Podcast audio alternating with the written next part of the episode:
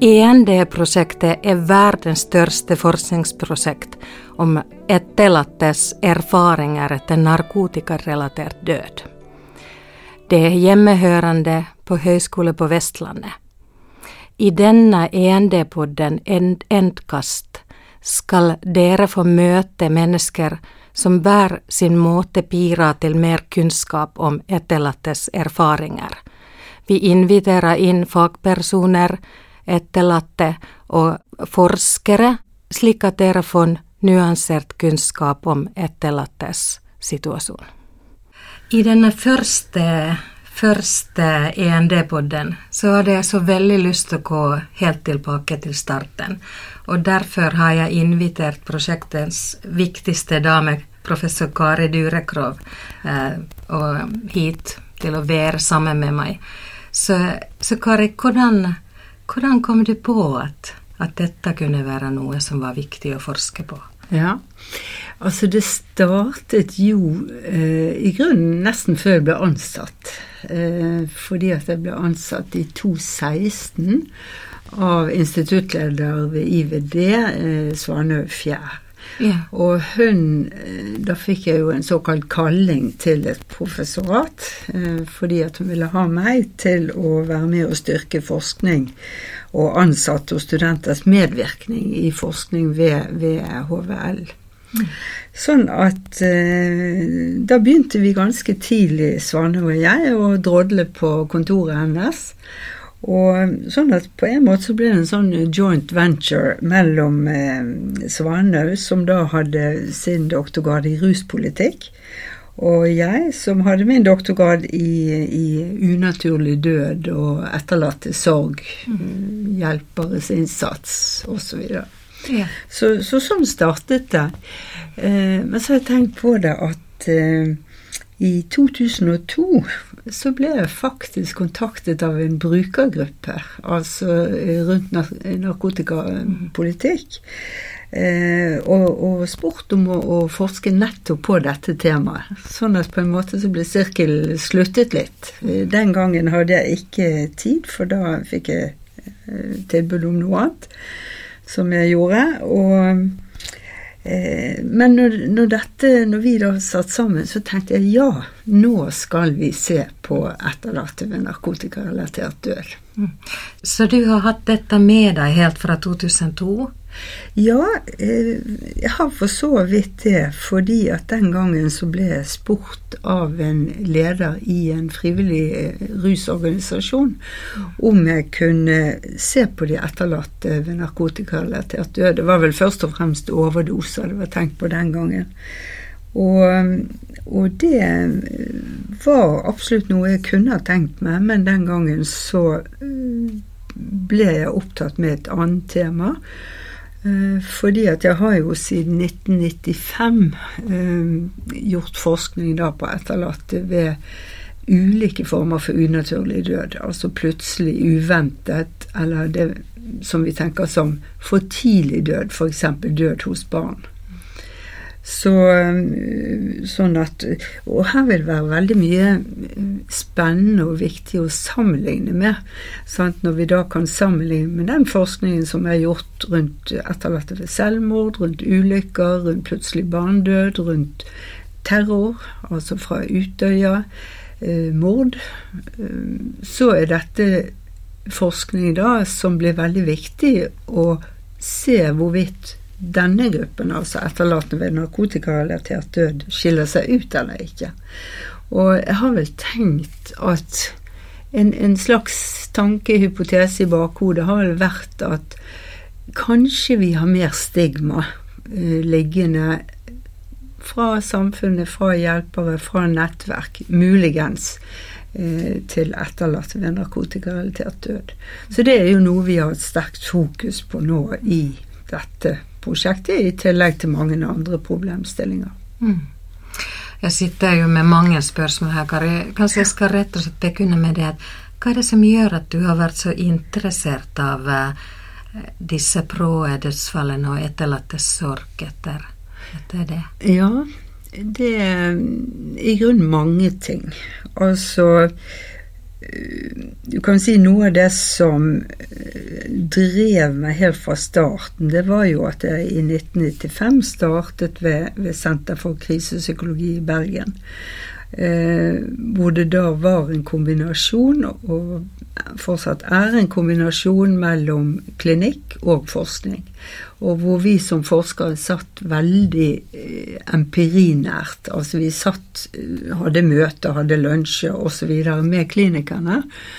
Eh, som da absolutt eh, hadde veldig mange av disse gruppene etterlatte inne til terapi.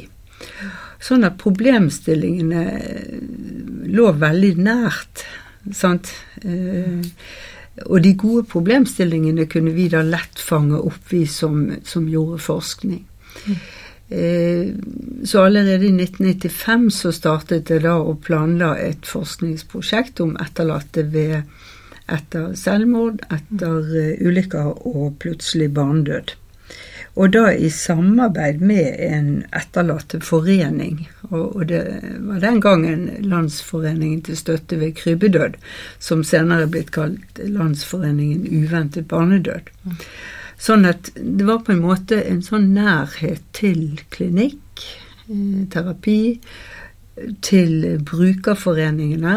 Eh, og selvfølgelig som sosiolog så var jeg òg eh, interessert i mennesket i samfunnet, og hvordan samfunnet reagerte, i tillegg til dette individfokuset. Så, så det var en viktig bit. Eh, jeg har også en slags personlig nærhet allerede den gangen Eh, fordi at mine foreldre mistet faktisk sitt første barn, og det som kunne ha vært min bror, i, i plutselig barnedød. Altså det som het eh, krybbedød. Mm. Og som eh, han, var, han, var, bare syv måneder. En nydelig unge som bare plutselig var død mm, neste morgen i, i sengen.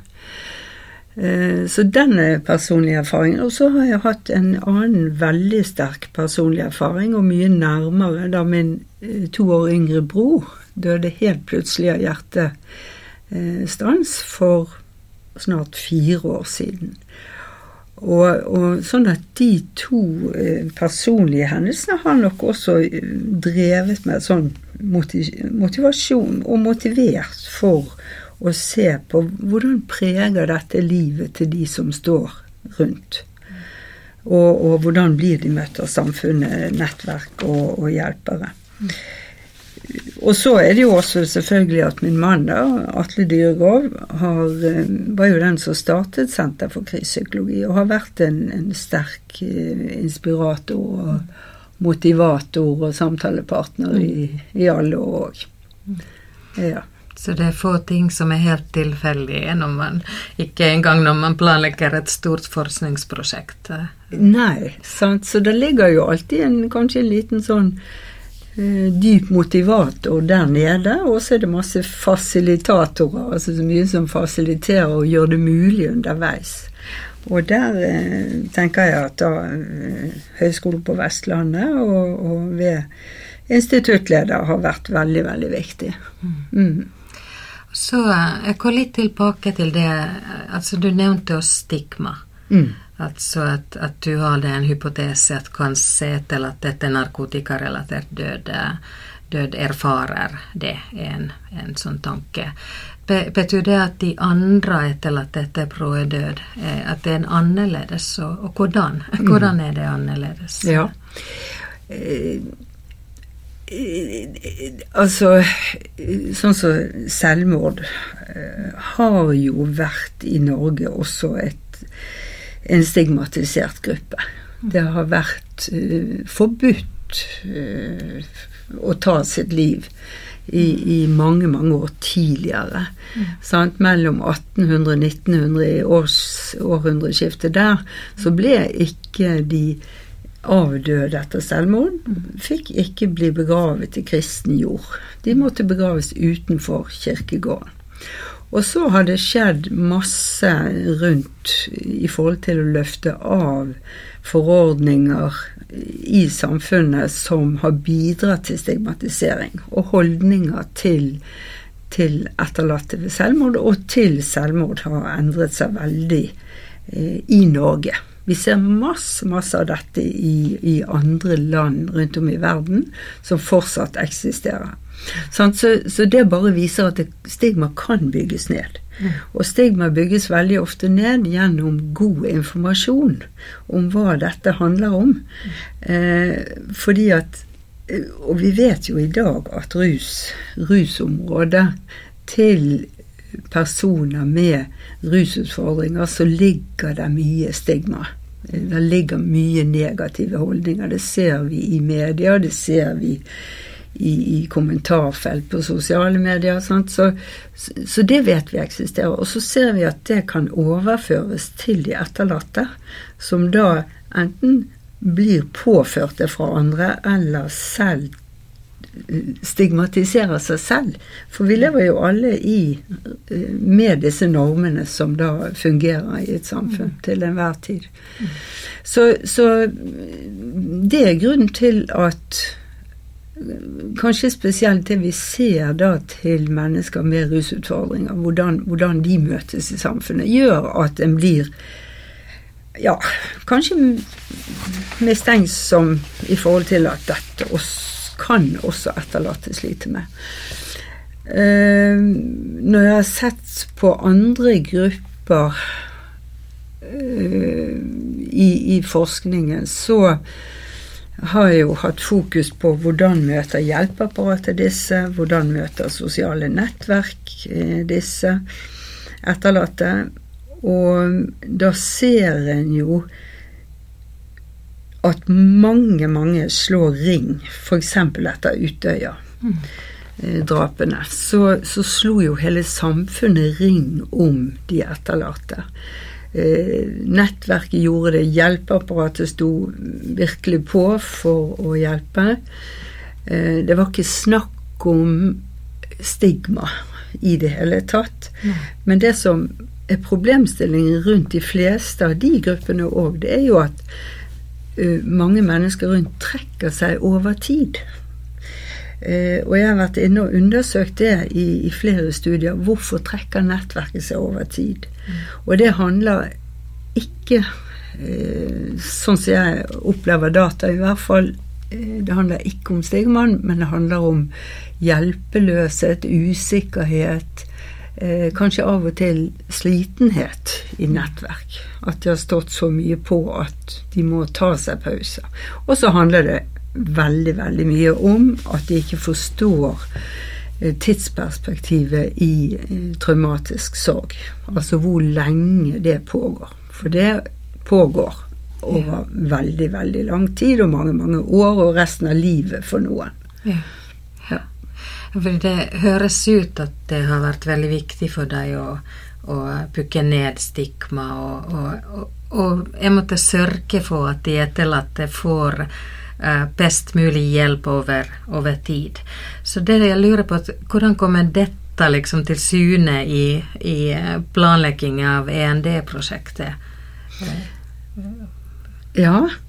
Uh, du kan si at jeg har vel for så vidt planlagt END mye etter de samme linjene som uh, disse andre prosjektene. Vi har vel sikkert gjort en 15 Ja, 15 I hvert fall forskningsprosjekt i min, i min uh, eh, 25-årige fokus på, på, dette feltet. Uh, sånn at det som jeg har tenkt i planleggingen, det er at vi må gå, vi må gå bredt ut, samtidig så må vi prøve å få dybde på, på, denne bredden. Og når jeg sier bredt ut, så har jeg tenkt at vi er nødt til å, å få kunnskap om eh, i forskningen hvordan ser det ut, Hvor, hvilken situasjon har de etterlatte Hva er det de sliter med? Hva er det de opplever som behov for hjelp? Og hvordan blir de møtt? Eh, og så må vi se på den andre siden òg.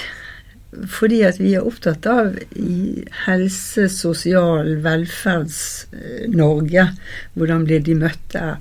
Og da må vi også gå til den andre siden, som da er hjelperne.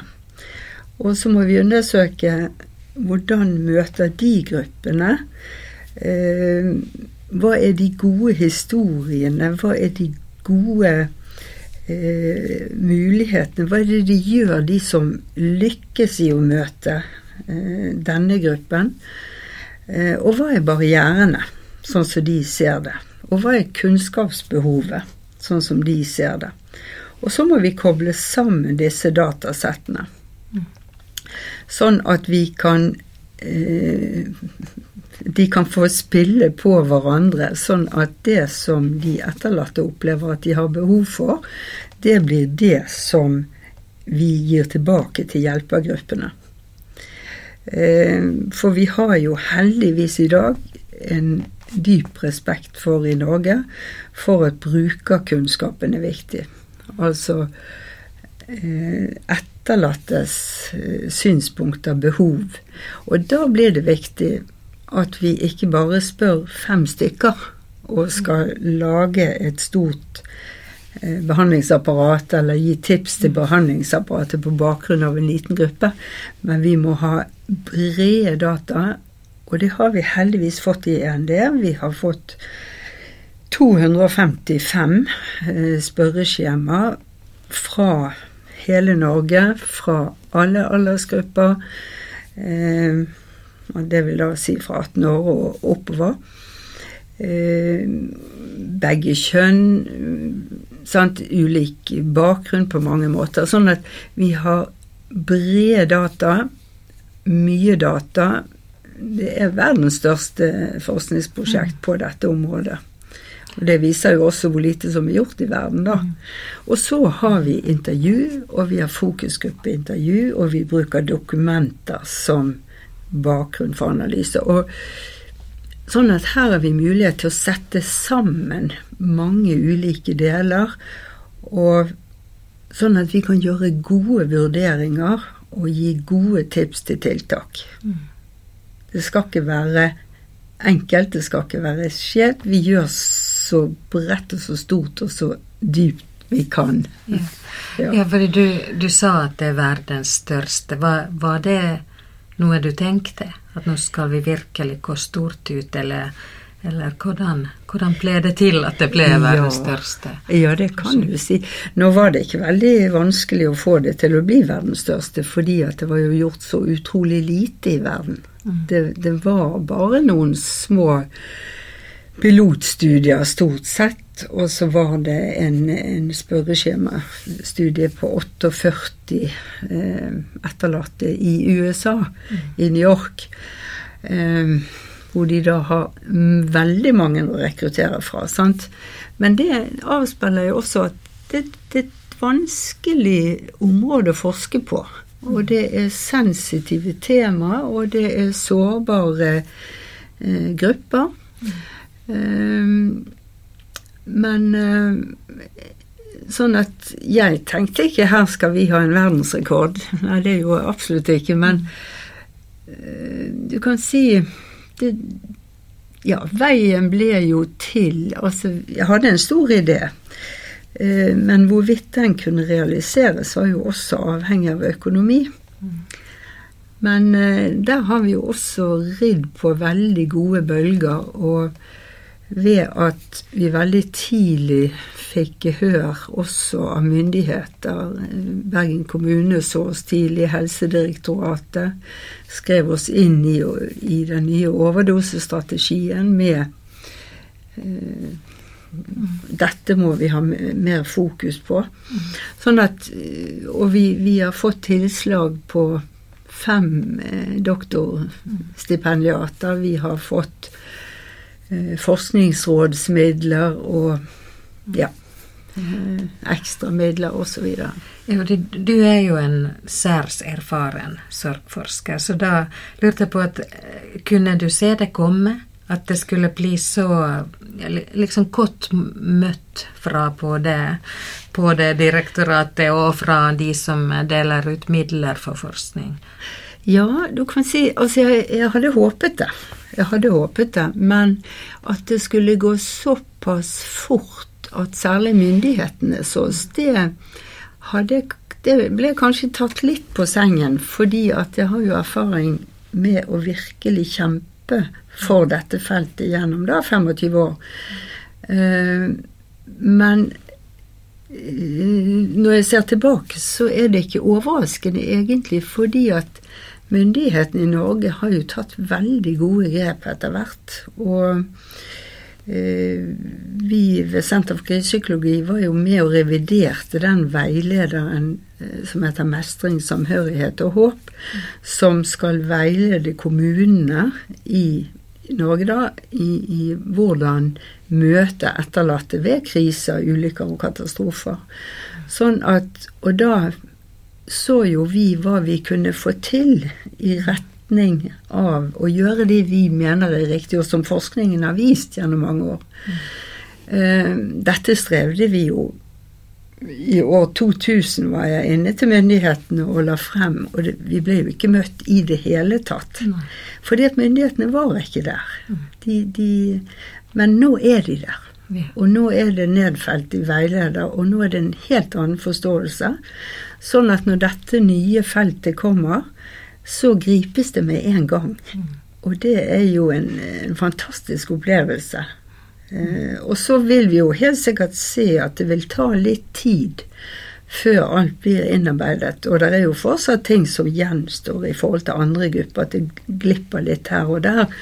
Men, men det kan jeg si til etterlatte ved unaturlig død, at Norge er veldig langt fremme i verdenssammenheng på dette området. Og, og da ved at myndighetene eh, ser dette feltet og tenker at i vår velferdsstat så hører det også eh, hjemme å virkelig ta vare på disse gruppene. Mm. Etterlatte ved unaturlig død. Mm. Ja, hvordan har det vært for deg personlig å oppleve det at at, at tidene har kanskje forandra seg, eller at, at, man blir mer hørt med dette? Ja, jeg syns det, det, er veldig, veldig tilfredsstillende. Og det er jo det som òg har vært veldig mye av drivkraften gjennom alle år. Det er at jeg ser vi har beveget et felt som Ja, fra, fra la oss si 1995 Eh, hvor det var, det var noen sånne ildsjeler rundt i Norge som, som, så dette feltet, og som ville gjøre det. Men det var tilfeldige innsatser. Eh, og, og, så ser hvordan feltet er blitt beveget, og nå er det nesten en selvfølgelighet med kriseteam i, i Norge, da, som har prøver å fange opp hvem er de etterlatte. Og jeg tenker rundt selvmord så har vi kommet veldig langt. Og jeg tenker at denne gruppen, narkotikarelatert død, de etterlatte der, skal komme like langt. Og de vil komme eh, Det vil skje mye på kort tid. Fordi at nå, nå ligger alle klar. Alle ser at ja, selvfølgelig denne gruppen må også ivaretas. Mm.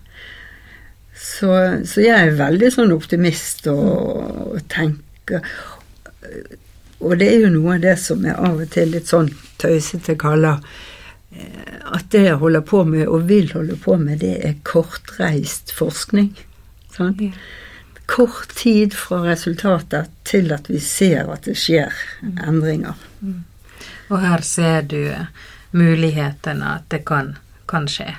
Absolutt. Mm. Abs Og ikke bare ser, men jeg har jo møtt mange eh, kriseteam eh, og kriseteamledere, og ikke bare kriseteam, men det har vært andre grupper i lokalsamfunn som står kjempeklar, og Helsedirektoratet kan, kan eh, sende meldinger. Har du, har du, resultater fra sånn og sånn?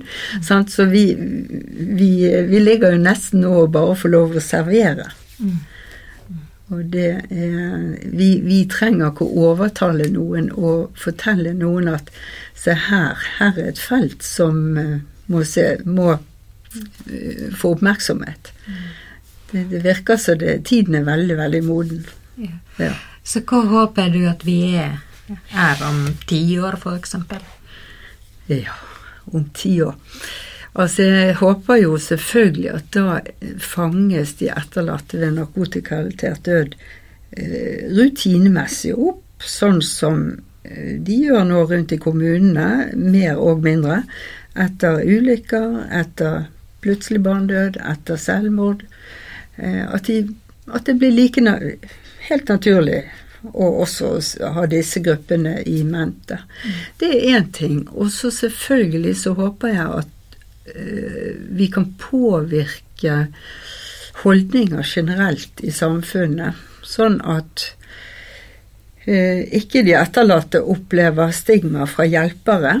Det tror jeg skjer i liten grad. Vi, vi har resultater fra dette nå som vi holder på å publisere. Mm. Så jeg, kan si at ut ifra de dataene vi har, så ser det ut som det ikke er et stort problem mm. at hjelperne stigmatiserer. Eh, det er nok dessverre mer fra eh, både nære, men ofte perifere familiemedlemmer og venner. Eh, sosiale nettverk og litt sånn i, i sosiale medier. Men mm. Dette håper jeg vi skal gjøre noe med òg. Sånn at etterlatte ved narkotikarelatert død blir møtt like varmt, empatisk, respektfullt som om man mister et barn i en ulykke. Hva, hva, tror du det handler om at, at det ikke blir møtt sånn? Altså fra, fra liksom sam, samfunnet eller media og, og, og familiemedlemmer. Hva kan det handle om? Mm. Jeg tror jo at det handler om at det stigma som ligger til det å bruke narkotika, og, og det stigma som ligger til kriminalitet fra narkotika, for det skjer jo. Sant? Eh, og de negative holdningene som ligger til narkotikabruk, at de også overføres til de etterlatte. Mm. Eh, og så ligger det mye kanskje skyld, altså bebreidelser. Mm. Tanker fra andre om at når din sønn, datter, brukte narkotika, så har jo du vært en dårlig mor eller far. Eh, sånne ting kan, kan eh, nok ligge bakom. Også det som jeg sa, så kan en også selv eh, stigmatisere seg selv. Ja. Altså tenke at ja, jeg har vel vært en dårlig mor da, når min datter uh, brukte narkotika. Litt det samme som mm, Eller veldig parallelt da til etter selvmord. Det er mange som har opplevd det samme der. Når min datter tok livet sitt, så har jo ikke jeg greid foreldrerollen. Mm. Så, så, her kan ligge både ytre stigma og indre stigma, eller selvstigma. Mm. Og så sa du at, at, at, det som er gledelig, at det ser ut at, at hjelperne eh, har, et, har, gått et stykke med, med, at det er ikke så mye den type holdninger her i Norge. Men, eh, men jeg lurte på hva tror du om mulige ringvirkninger til andre land, hvor det kanskje fortsatt er mer vanlig at også hjelperne kan ha den type holdninger. Er det, mm. er det realistisk å håpe på? Ja, vi, vi, vi, kan absolutt håpe på, og vi kan iallfall vise frem at det er en sammenheng med kunnskap eh, og, og denne linken. Hvorfor blir det stigmatisering? Og, og, ikke minst, hvordan, er, hvordan viser stigmatisering seg frem? Og det er jo noe av det vi har sett på nå i, i den eh, publikasjonen som vi snart kommer med, eh, at det er fryktelig stygge ting. Det er nesten ikke til å tro hva folk kan få seg til å si om en avdød. Altså f.eks. en, en søster som får høre at nå er din søster en gris i helvete. Mm. Altså det er, det er, så stygt at eh, Og det kan da sies til noen som har mistet en kjær person, mm. som dessverre også eh, hadde sine rusutfordringer. Mm. Eh, men det var jo også så mye mer enn det den personen som de da har mistet. Mm. Så, så her, her Men selvfølgelig det er ikke alle som opplever dette. Mm. Men i vårt materiale så var det altså 42% av de etterlatte som, som kunne vise til eh, denne type utsagn. Mm. Som de da hadde fått fra omgivelsene etter dødsfallet. Og dette skal vi ha vekk. Dette dette går ikke, dette skal vi ikke finne oss i. Ingen skal finne seg i det. Så her trengs opplysning, her trengs Og da trenger vi også dessverre å vise frem hva er det som skjer. Og det er klart, sånne ting kan vi ta ut internasjonalt. Men så er det det at det med stigma eh, Det henger jo ofte sammen med ytre strukturer og samfunnsstrukturer og andre ting. Sånn at skal man greie å bygge ned eh, f.eks. stigma mot selvmord. Jeg kan bare ta et eksempel der som For jeg har vært litt rundt i verden da, og jeg husker veldig godt en gang i eh, India, hvor vi holdt på i en sånn workshop og diskuterte problematikken. Og der eh, spurte jo jeg da hvordan, hvordan kan dere snakke om selvmordet innad i familien, hvordan blir dere møtt av de sosiale nettverkene osv. Og, og hvor da denne gruppen jeg sitter med, som da hadde mistet sine, eh, forteller at vi kan ikke si dette til noen. Vi kan ikke Eh, eh, min far ble tatt inn til politiet og avhørt. Det er forbudt å ta livet sitt.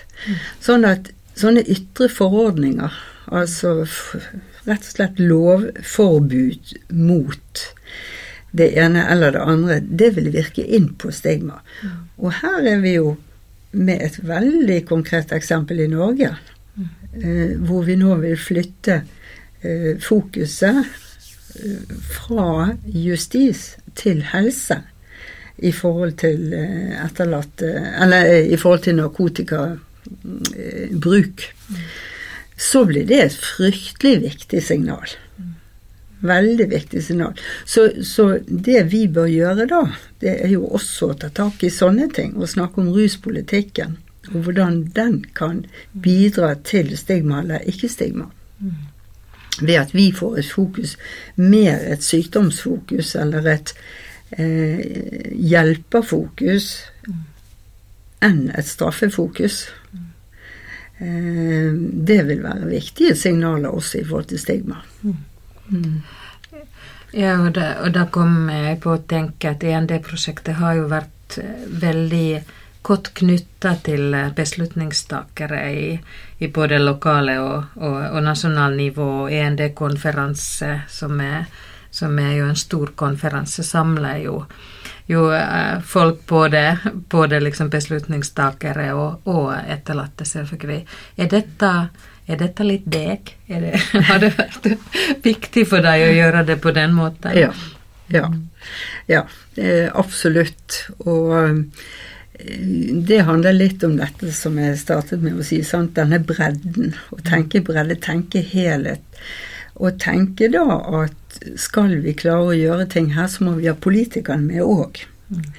Eh, og vi må ha studenter med. Sant? Og derfor har vi jo gått ut til studenter på konferansen.